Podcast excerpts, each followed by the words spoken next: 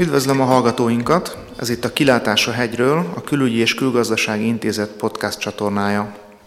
A mai beszélgetésünk címe a függetlenségi népszavazás után Quo Vadis Katalónia. Beszélgető partnereink dr. Tóth Norbert, Nemzeti Közszolgált Egyetem egyetemi docense, és Szabó Barnabás, a Külügyi és Külgazdasági Intézet külső szakértője. Köszöntelek titeket! Ugye a helyzet, amiről beszélünk, az egy igen aktuális téma. Vasárnap volt egy hát népszavazásnak talán nem nevezhető konzultáció, amit a, a katalán kormány szervezett Katalóniában, és hát ennek apropóján azt gondoltam, hogy beszélgessünk egy kicsit Katalóniáról, illetve a katalán függetlenségi törekvésekről.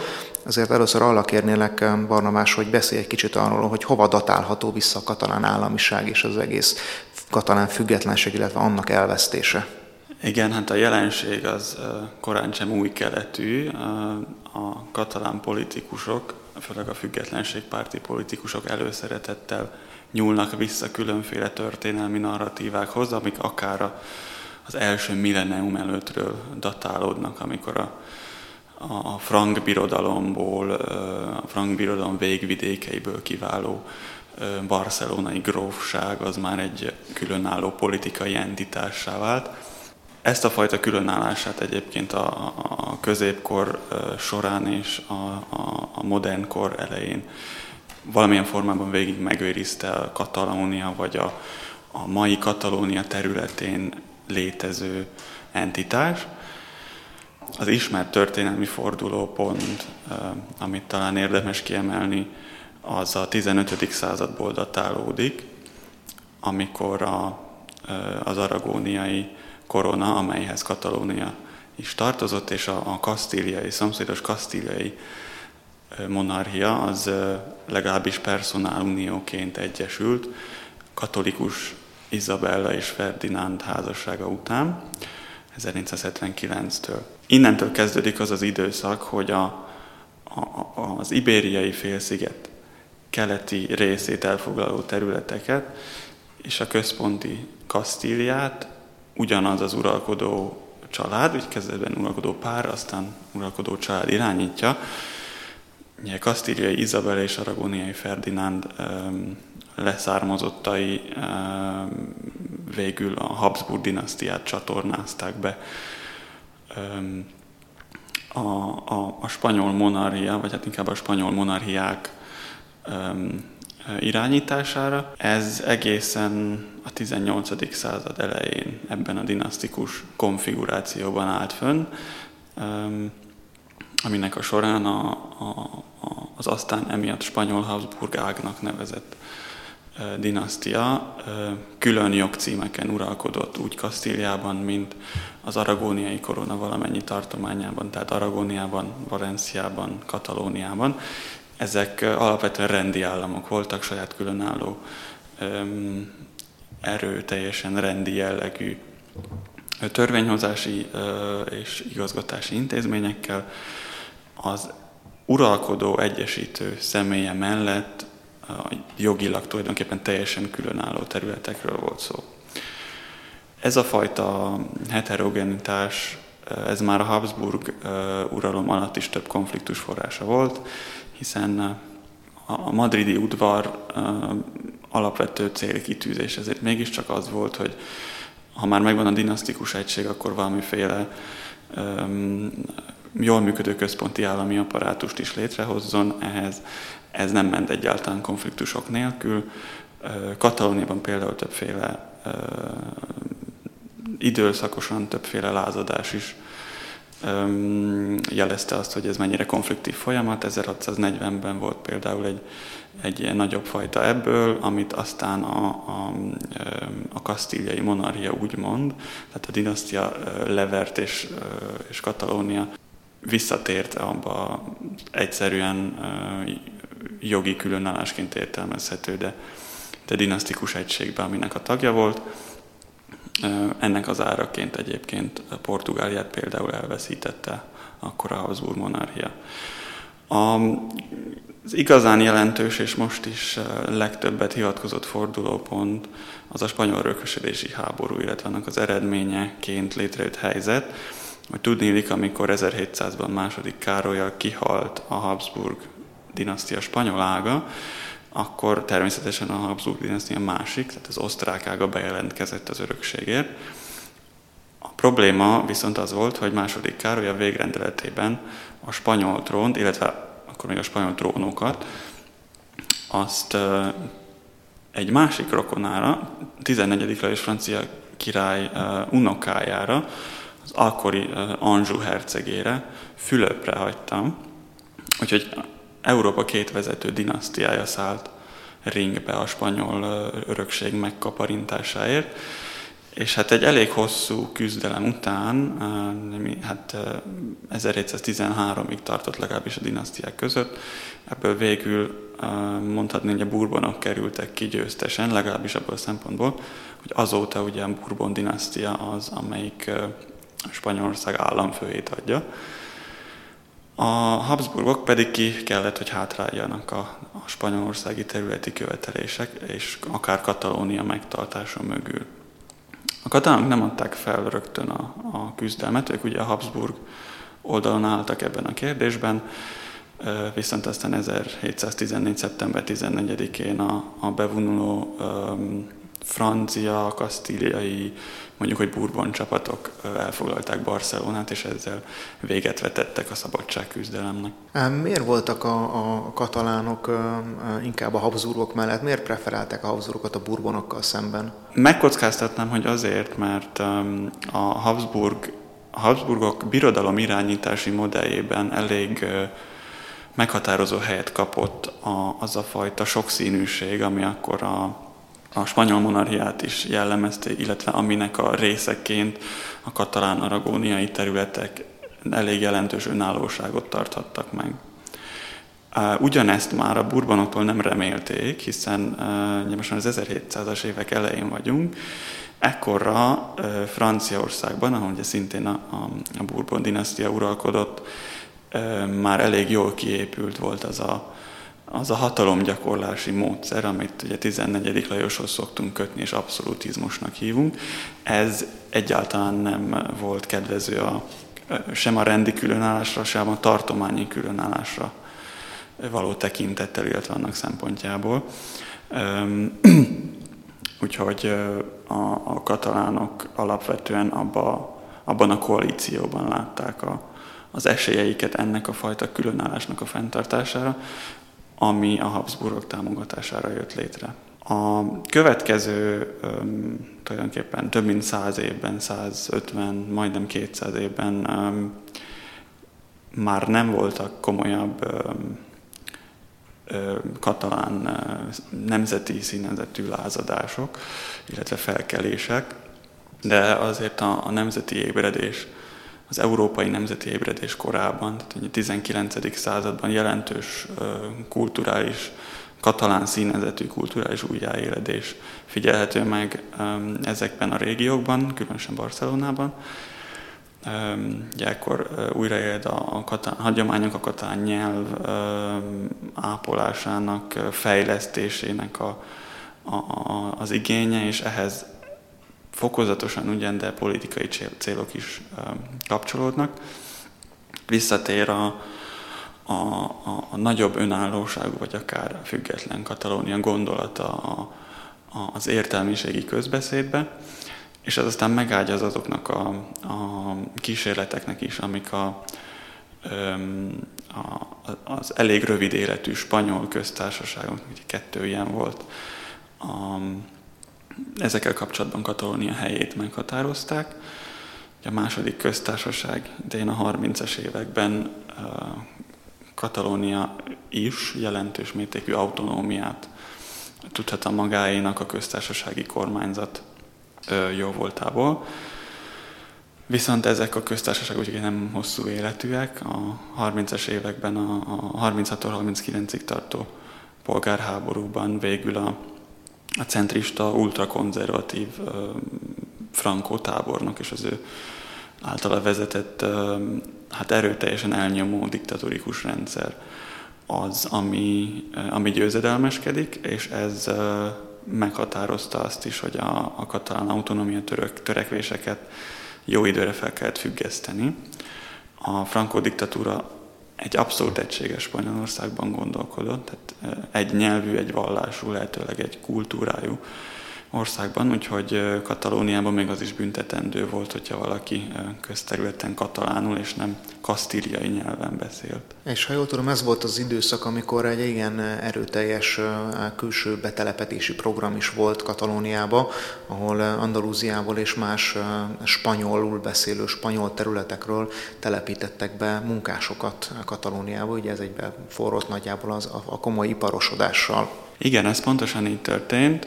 Ennek egyébként a hatása máig érezhető, hiszen ezek a családok, akik a, a Spanyolország más részeiből érkeztek Katalóniába, ezután nem távoztak, tehát ők ott maradtak, és hát jellemzően megtartották a, vagy legalább részben megtartották a saját eredeti kultúrájukat, köztük ugye a nyelvüket is.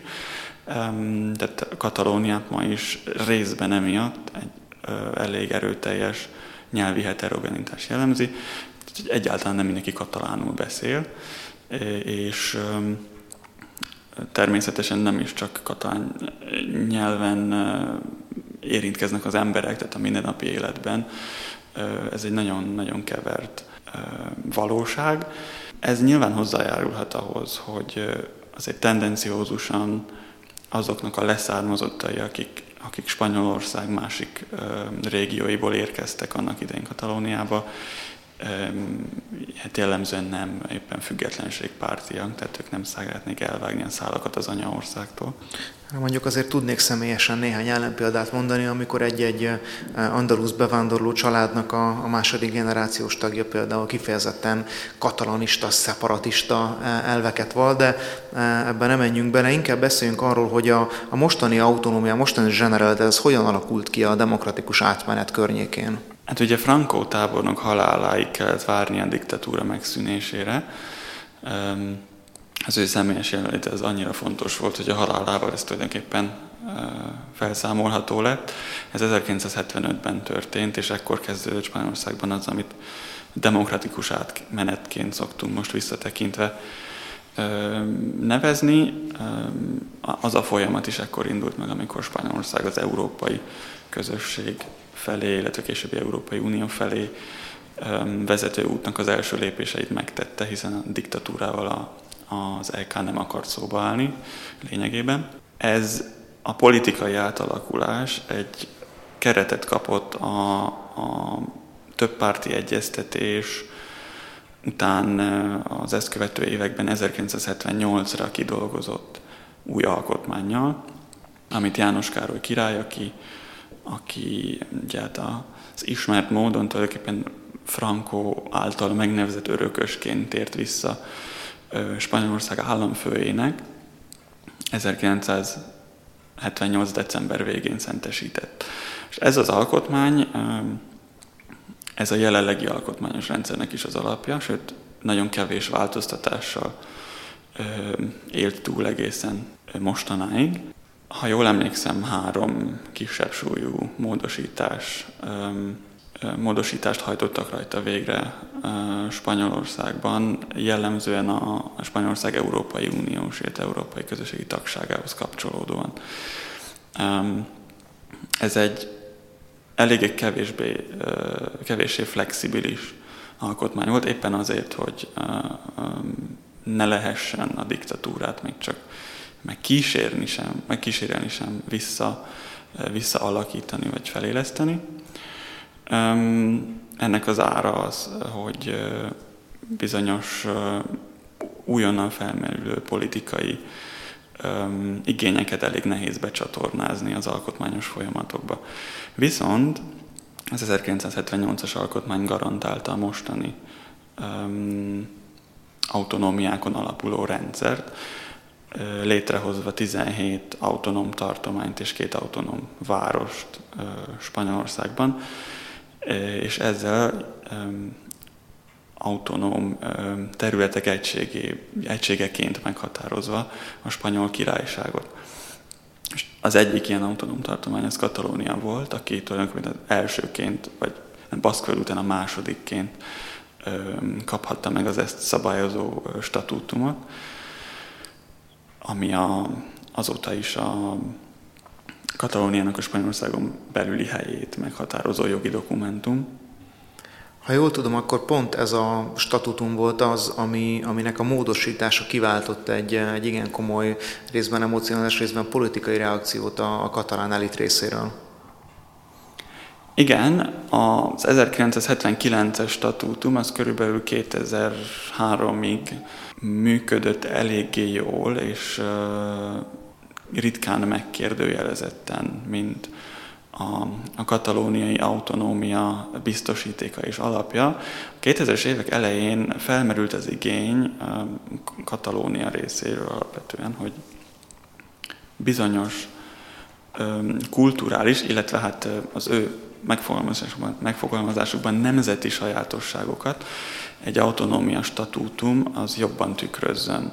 És végül ebbe az akkori spanyol kormányzat is belement, egy kompromisszumos megoldás keretében. 2006-ra nem csak, hogy a katalán parlament fogadott el egy új autonómia statútum tervezetet, de miután ezt megküldték a központi törvényhozásba, a madridi parlamentbe, aminek mind a kettő kamarája azt elfogadta, némi felvizezés után, Katalónia népszavazáson dönthette el, hogy szeretné ezt az új autonómia statútumot, és a 2006-os ja, mostanitól el, eltérő módon teljesen alkotmánykonform népszavazás ezt elég nagy többséggel megerősítette. Tehát úgy nézett ki, hogy Katalónia új autonómia statútumot kap, amiben bizonyos kompetencia bővítések és bizonyos a katalán politikai elit és a katalán választók számára szimpatikus, szimbolikus elemek jobban megjelenítődnek. Csak hogy az akkor még ellenzékben lévő spanyol néppárt, a Partido Popular több autonóm tartományjal és a, a spanyol ombudsmannal együtt ezt az új autonómia statútumot elküldte a spanyol alkotmánybíróságnak alkotmányos normakontrollra, mert hogy ők nem értettek egyet azzal, hogy ennek a statútumnak ilyen formában kell megszületnie, illetve tovább élnie. És hát végül az Alkotmánybíróság tulajdonképpen nekik adott igazat, csak hogy ezt egy kb. négy éves döntéshozatali folyamat után tette meg, akkor 2010-ben egy elég vaskos 450 oldal hosszúságú ítéletben gyakorlatilag az összes lényeges változtatást a statútumban vagy hatályon kívül helyezte, vagy gyakorlatilag a lényegi módosításokat kiüresítő magyarázatokat fűzött hozzá, és ez egy elég jelentős felháborodást váltott ki Katalóniában. Különösen, hogy ugye 2010-ben vagyunk, tehát éppen a, egy gazdasági szempontból igen nehéz időszakban. És hát valójában innen kezdődött az a, az a folyamat, ahol a, a katalánok vagy a katalóniaiak egyre nagyobb intenzitással kezdték követelni, hogy dönthessenek, vagy újra definiálhassák a Spanyolországhoz fűződő viszonyukat. Egy ilyen programnak a véghez vitelével próbálkozott már Artur Mász is, aki a, ezután lett a, a Katán Generalitat elnöke. Ennek egyik elemeként például 2012-ig megpróbálta újra tárgyalni a, a Katalónia autonóm tartomány pénzügyi jellegű autonómiáinak, illetve az ezzel kapcsolatos kompetenciáinak a bővítését, az akkor már kormányzati pozícióból tárgyaló Mariano Rajoy és a spanyol néppárttal. Ez mint ismeretes nem történt meg, és innentől datálódik az is, hogy a spanyol és a katalán kormányzat nagyon ritkán és nagyon kevéssé áll egymással szóba, egyfajta süketek párbeszédét folytatva. Minden esetre ez alkalmas volt arra, hogy megszülessen a, a döntés jogának a, ez, ez a fajta mintosza, amire a katalán egyébként egyre inkább függetlenségpárti politikai szerveződések építettek, hogy tudni illik, a katalánoknak joguk van megmondani azt, hogy milyen viszonyt szeretnének Spanyolországgal. Gyere 2014-ben már szerveztek is egy hát végül állampolgári részvételi folyamatnak elkeresztelt kvázi referendumot, ami hát így arányaiban, szavazat arányaiban is eléggé hasonló volt a, a 2017. október 1-i referendumhoz. Um, és hát ez csak egyre inkább elmérgesítette a helyzetet, egészen addig, hogy a 2016-ban felállt új katalán kormány, és még nem leolvadt katalán parlamenti többség, aki a függetlenség párti erőket tömörítette, elindult azon az úton, ami a Spanyolországgal való nyílt szakítás felé vezet.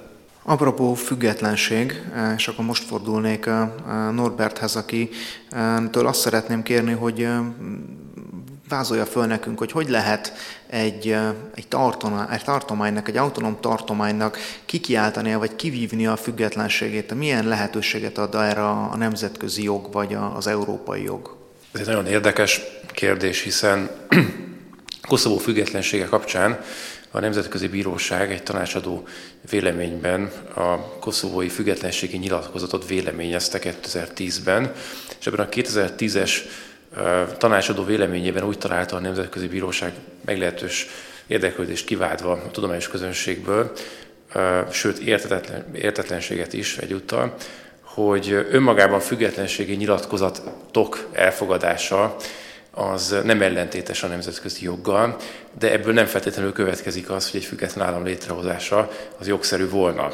Ez egy kicsit dodonai, nem is ítélet, tanácsadó vélemény volt, de hát mondjuk az amerikai bíró nem szavazhatott volna meg egy olyan szöveget nyilvánvalóan, ahol a függetlenségi nyilatkozat elfogadását el kellett volna ítélnie, de visszakanyarodva Katalóniához az az igazság, hogy ha megnézzük Nyugat-Európát és Nyugat-Európa alatt most a második világháború után a vasfüggönnyel létrejött megosztottságát szeretném érteni Európának, ami már nincsen meg nyilvánvalóan, de hogy úgy képzeljük el Európát, mint 45 után, akkor azt látjuk, hogy Nyugat-Európában tehát az egykori vasfüggönytől nyugatra, ott az utolsó állam, amely függetlenként létrejött, az Izland volt 1944-ben. És Izland inkább kivétel, mint főszabály ebben a vonatkozásban, hiszen azt lehet mondani, hogy az állammá alakulás, tehát független államok létrejötte Nyugat-Európában az, első világháborúig, vagy annak során megvalósult, és ugye az ír köztársaság az utolsó ilyen értelemben 1921-ben, ami már nem az első világháború, de tulajdonképpen annak a következményeként tekinthetünk a független ír állam létrejöttére, hiszen lényegében befagyasztották ezt a problémát átmenetileg a háborúban, és utána ez kiolvadt, és Kelet-Európában más volt a helyzet, hiszen itt a 90-es években Jugoszlávia, Csehszlovákia, Szovjetunió szétesésével jöttek létre független államok, de Kelet-Európában az utolsó olyan független állam, vagy függetlenedés, amelyet nem kérdőjelezett meg senki, az Montenegró függetlensége volt 2006-ban, ugye Szerbia és Montenegrótól. Ott előtte megállapodtak a felek abban, hogy lesz lehetőség egy népszavazást tartani majd. A függetlenségre ezt megtartották, több mint 55%-a hogy a szavazóknak támogatta, és ezt a nemzetközi közösség is elismerte itt ott létrejönni. Koszovó az pedig egy olyan függetlenedési folyamat, amelyet azért a hát az államok nem is fele, de olyan 35-40 százaléka pillanatnyilag nem ismer el jogszerű függetlenségként, és a 110 állam az ENSZ tagállamai közül, amely elismeri a független Koszovót. Tehát csak az a lényeg, hogy Nyugat-Európában azért egy függetlenedés az, az szokatlannak tekinthető, viszont a kelet-európaiakhoz képest stabilabb államhatárok és stabilabb viszonyok vannak, vagy stabilabb államiságban. Érdekes azért a Koszovót említed, mert a, a katalánoknál több jogász és nemzetközi jogász, aki az ottani függetlenségpártiaknak a, a, hát a szószólója, Koszovót hozza fel jó példaként Katalónia számára, mint hogy ez egy olyan út a függetlenné válásra, amit Katalónia is követhet. Erről mi a véleményed? Az, hogy annak idején, amikor Koszovó függetlenné vált, akkor a nemzetközi közösség erős szereplői azt mondták, az oroszok kivételével, akik ellenezték a biztonsági tanács tagállamai közül egyértelműen, meg Kína is ellenezte a függetlenséget, de azt mondták a függetlenséget támogatók, hogy egyszerű és megismételhetetlen alkalom, nem lehet hivatkozási alap, ahhoz képest azt látjuk, hogy folyamatosan hivatkozási alap, tehát a katalánok is, ahogy említetted, hivatkoznak rá. A Koszovó helyzet annyiban más azért, hogy amikor Szerbiához tartozott ténylegesen is, ott azért tömeges és súlyos jogsértések történtek, amelyre a nemzetközi közösség adott egy határozott választ. Azért Katalóniában annak ellenére, hogy a népszavazás napján láttunk olyan, mikor a spanyol rendőrség részéről láttunk olyan beavatkozást, intervenciót, amely azért nem feltétlenül megszokott az Európai Unió területén, de ennek ellenére és utána, mint hogy mérsékelte is volna saját magát még aznap Spanyolország, látva vagy halva a nemzetközi közvélemény reakcióit, de valójában azért nem beszélhetünk olyan jellegű eseményekről, mint Koszovóban, amelyek történtek Szerbia részéről annak idején. Egyébként a nemzetközi jobban van egy olyan koncepció, de ezt nem mondhatnám, hogy ez gyökeret vert volna, de minden esetre foglalkoznak vele, eléggé hangsúlyosan, főleg az akadémiai szféra persze, amit úgy nevezhetünk magyarul, hogy jogorvosló elszakadás, és abban az esetben lehet erre hivatkozni, csak hát kérdés, hogy mennyire jogszerű még egyszer, mennyire stabil ez a koncepció, amikor tömeges súlyos jogsértések történnek egy területen, és annak a területnek a lakosságnak már egyszerűen nincs más választása, mint hogy elszakadjon, így tudja saját magát megvédeni fizikai, a fizikai megsemmisüléstől. Egy pont kimondtad a fontosabb szót, tehát ugye itt gyakorlatilag etnikai tisztogatásról van szó, esetleg tömeggyilkosságról, háborús bűnökről, ami indokolhat egy ilyen lépést? Igen, tehát valóban létezik ez az elképzelés a nemzetközi jogban, de azt nem állítanám, mert vannak az igazán konzervatív megközelítésű államok és nemzetközi jogászok, akik ezt elfogadnák, de hogy egyre gyakrabban játszanak el sokan a gondolattal, hogy esetleg a nemzetközi jognak be kellene fogadnia ezt a egyfajta fellebbezésként ezt a lehetőséget, viszont ami stabilan van és biztosan van, az a népek önrendelkezési joga.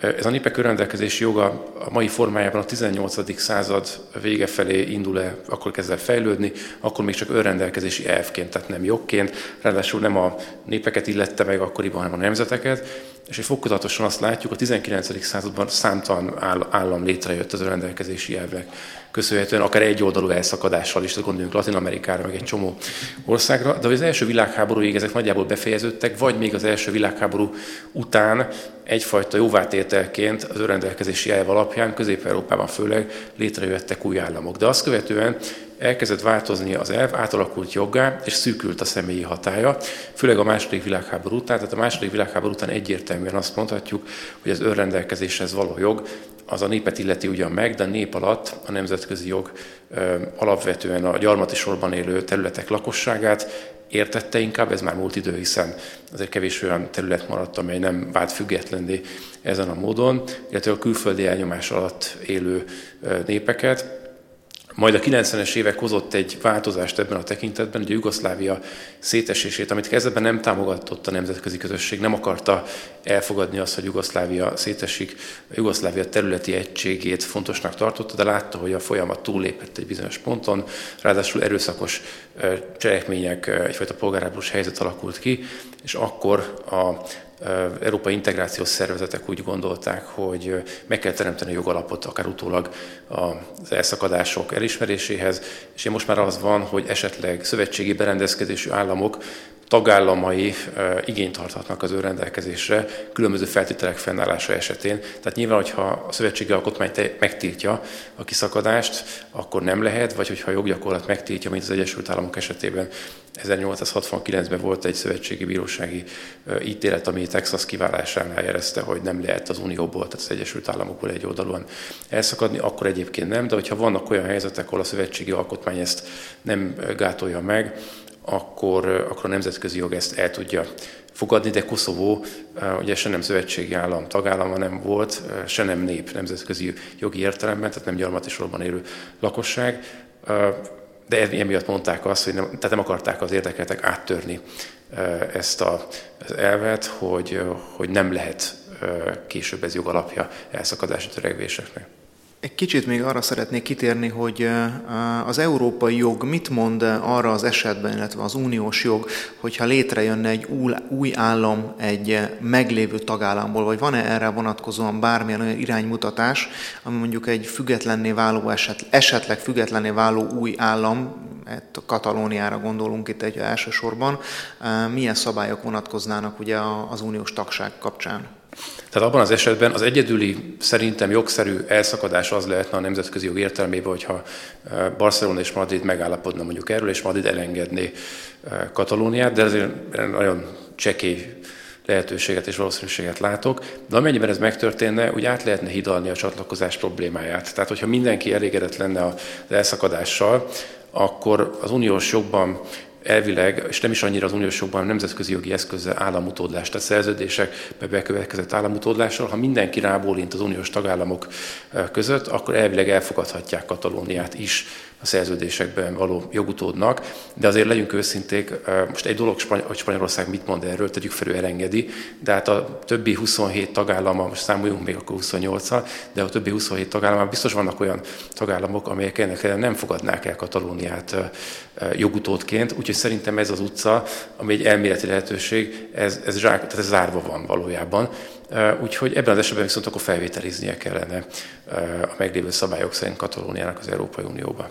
Mind a két esetben egy hangú döntésre lenne szükség a tagállamok részéről. Ugye? Jó, ezt Pontosan így van. Tehát a második eset, ami hát hogy mondjam, valószínűbbnek tűnik egy ilyen helyzetben, ott is egy hangúság kell, és akkor megint előjön az a probléma, amiről beszéltünk, hogy nem tudom elképzelni, hogy ne lenne legalább egy uniós tagállam, amely egy saját területi épségére figyelemmel ne akadályozná meg Katalónia belépését az Európai Unióba. Kicsit beszéljünk arról, hogy eh, mi is történt a vasárnapi népszavazáson, illetve hát annak a körülményeiről. Ugye mindenki um, látta a képsorokat, um, igen szomorú képsorokat, amikor a, a, lakosság um, ugye hát bizonyos összetűzések voltak a lakosság, illetve a szavazatszámláló bizottságok, a szervezők, illetve a, a spanyol csendőrség között. Ugye nagy kérdés, hogy ennyi, hogy joga volt-e ehhez a spanyol kormányzatnak. Ugye, hát alapvetően egy alkotmánybírósági döntést eh, kell betartania a spanyol kormánynak. Ez az alkotmánybírósági döntés kimondja azt, hogy minden eszközzel meg kell eh, akadályozni eh, a népszavazás megtartását, illetve alkotmányosnak minősíti ezt a népszavazást.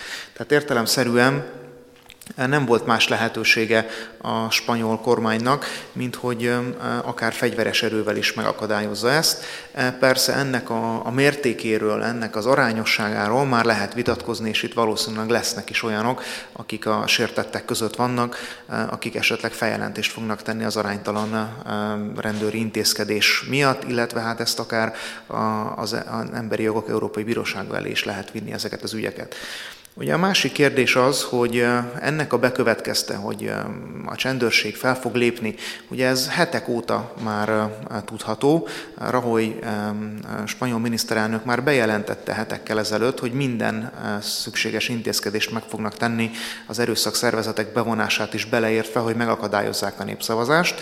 Tehát a katalán szeparatista politikusok pontosan tudták, hogy mi fog történni, sőt kifejezetten számítottak is arra, hogy ilyen képsorok lesznek a nemzetközi sajtóban, amivel a saját maguk számára tudják a nemzetközi közösségnek a szimpátiáját elnyerni egy esetleges függetlenségi kikiáltás eh, pillanatában.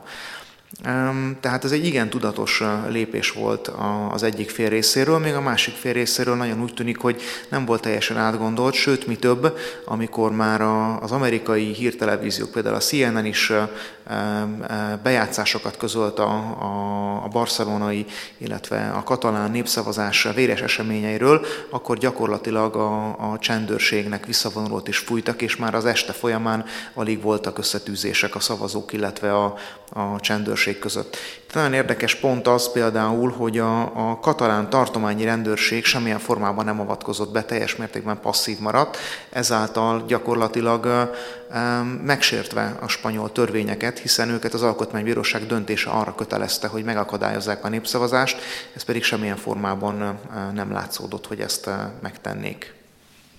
Komoly kérdés ugye, hogy a népszavazás követően, amit hát ugye többé-kevésbé sikerült megakadályozni a csendőrségnek, itt a többé-kevésbé alatt azt kell érteni, hogy körülbelül a szavazóhelységek 4%-ánál tudtak valamilyen jellegű intézkedést foganatosítani, tehát elkobozni urnákat, vagy bezárni a szavazóhelységeket, vagy kiszorítani onnan a, a szavazni vágyó lakosságot, vagy a szavazatszámláló bizottságokat, de hát a, a helyek 96%-a továbbra is üzemelt.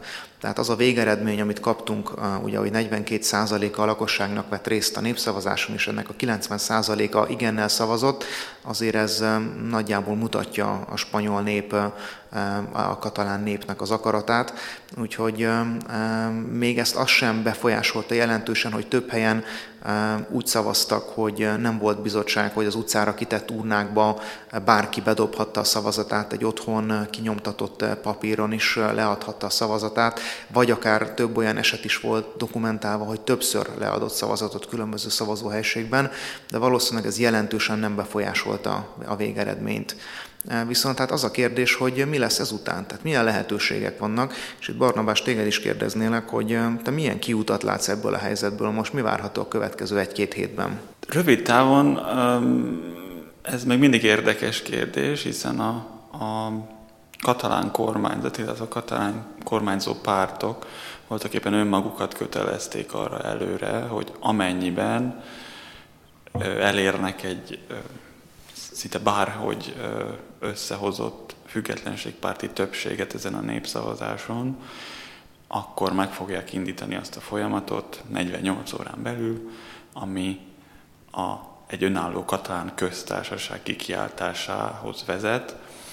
Ezt az október 1-i népszavazás utáni első 24 órában még nem tették meg, de természetesen várható, hogy ez bekövetkezik, hiszen az első nyilatkozatok, az első katalán kormány részéről érkező nyilatkozatok abba az irányba mutattak, hogy nincs szándékuk olyan megoldást keresni, amivel elegánsan kihátrálhatnak ezzel a kötelezettség alól.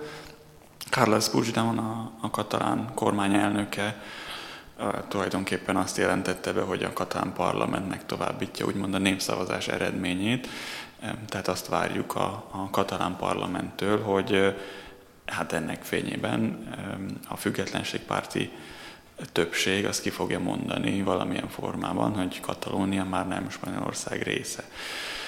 Bocsánat, itt csak annyit vágnék közbe, hogy a spanyol jogban ugye van egy lehetőség a, az a tartományi autonómia felfüggesztésére, ugye ez a, a hírhet 155-ös cikk. El tudnád nekünk mondani pontosan, miről is van itt szó? Igen, ennek az a lényege, hogy lényegében a spanyol központi kormányzat meghatározott lépcsőfokok végigjárását követően, tehát egyrészt a spanyol kormánynak figyelmeztetnie kell az érintett autonóm közösség kormányának vezetőjét, hogy álláspontja szerint az autonóm közösség nem tartja be a spanyol alkotmányt és rá vonatkozó spanyol törvényeket, és erre adjon valami magyarázatot.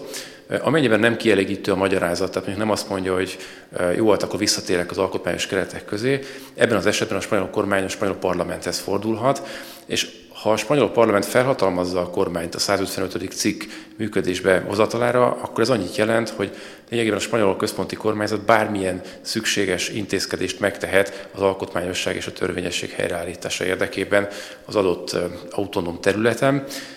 Jelenleg azt látjuk, hogy hát a népszavazást megelőzően nem történt olyan intézkedés a spanyolok, tehát nem aktiválták a 155. cikket, de azért nem lehet kizárni azt, hogy nem próbálkozik ezzel meg a spanyol központi kormányzat. Amennyiben ezt megteszi, akkor hát lényegében előfordulhat az, hogy hiába van a 2006-os organikus törvénye az autonómiáról Katalóniának, azt nagyon jelentősen, nyilván átmenetileg azért, de korlátozni képes a spanyol központi kormányzat. És akkor most tenném fel azt a kérdést, hogy mekkora esély van arra, hogy a spanyol kormány beveti ezt a 155-ös cikkeit? Én úgy gondolom, hogy van rá esély. Már eddig is egyre gyakrabban hivatkoztak rá, mint lehetséges jogi megoldást a helyzetre. Nyilván a, a helyzetnek a bonyolultságát itt nem csak az adja, hogy ez egy szinte példátlan lépés lenne az 1978 utáni Spanyolország, a spanyol demokrácia történetében, ahol nem adnak, hanem elvesznek jogokat autonóm közösségektől. Ennek ellenére én nem gondolom, hogy a, a jelenleg kormányzó néppártnak, illetve a spanyol kormánynak a, ennek a 155-ös cikk alapján történő eljárásnak a véghez vitele különösebb fejfájást okozna, viszont szükségük van hozzá egy emögött felsorakoztatott több párti parlamenti koalícióra, tehát lényegében akár a spanyol szocialista párt támogatására is, aki ezzel kapcsolatban, vagy akik ezzel kapcsolatban nyilván eléggé kényelmetlen helyzetbe kerültek, hiszen egyrészt a, a spanyol és a katalán szocialista pártnak, a testvérpártnak is egy nagyon fontos mondani a valója volt az elmúlt években, hogy erre a helyzetre egy párbeszédes megoldással kell rendezést és rendező elvet találni. Korábban még az alkotmány föderatív irányba történő átalakításáról is beszéltek, tehát mindenképpen egy, egy a néppártihoz képest kompromisszum keresőbb álláspontot szoktak elfoglalni, viszont most most az ő választóik előtt is valószínűleg nagyon rosszul vennék ki magát, hogyha nem Mariano Rajoy mellett foglalnának ebb, állást ebben a kérdésben, tehát ha nem támogatnák a spanyol kormányt Spanyolország egységének a fenntartásában, Úgyhogy ebből még érdekes dilemmák születhetnek a, a spanyol törvényhozásban, hogyha valóban arra kerül a sor, hogy a 155-ös cikkely alkalmazásán keresztül a spanyol kormány bizonyos autonómiához kapcsolódó jogköröket felfüggeszt Katalóniában, illetve azokat a katalán szervek helyett központilag gyakorolja.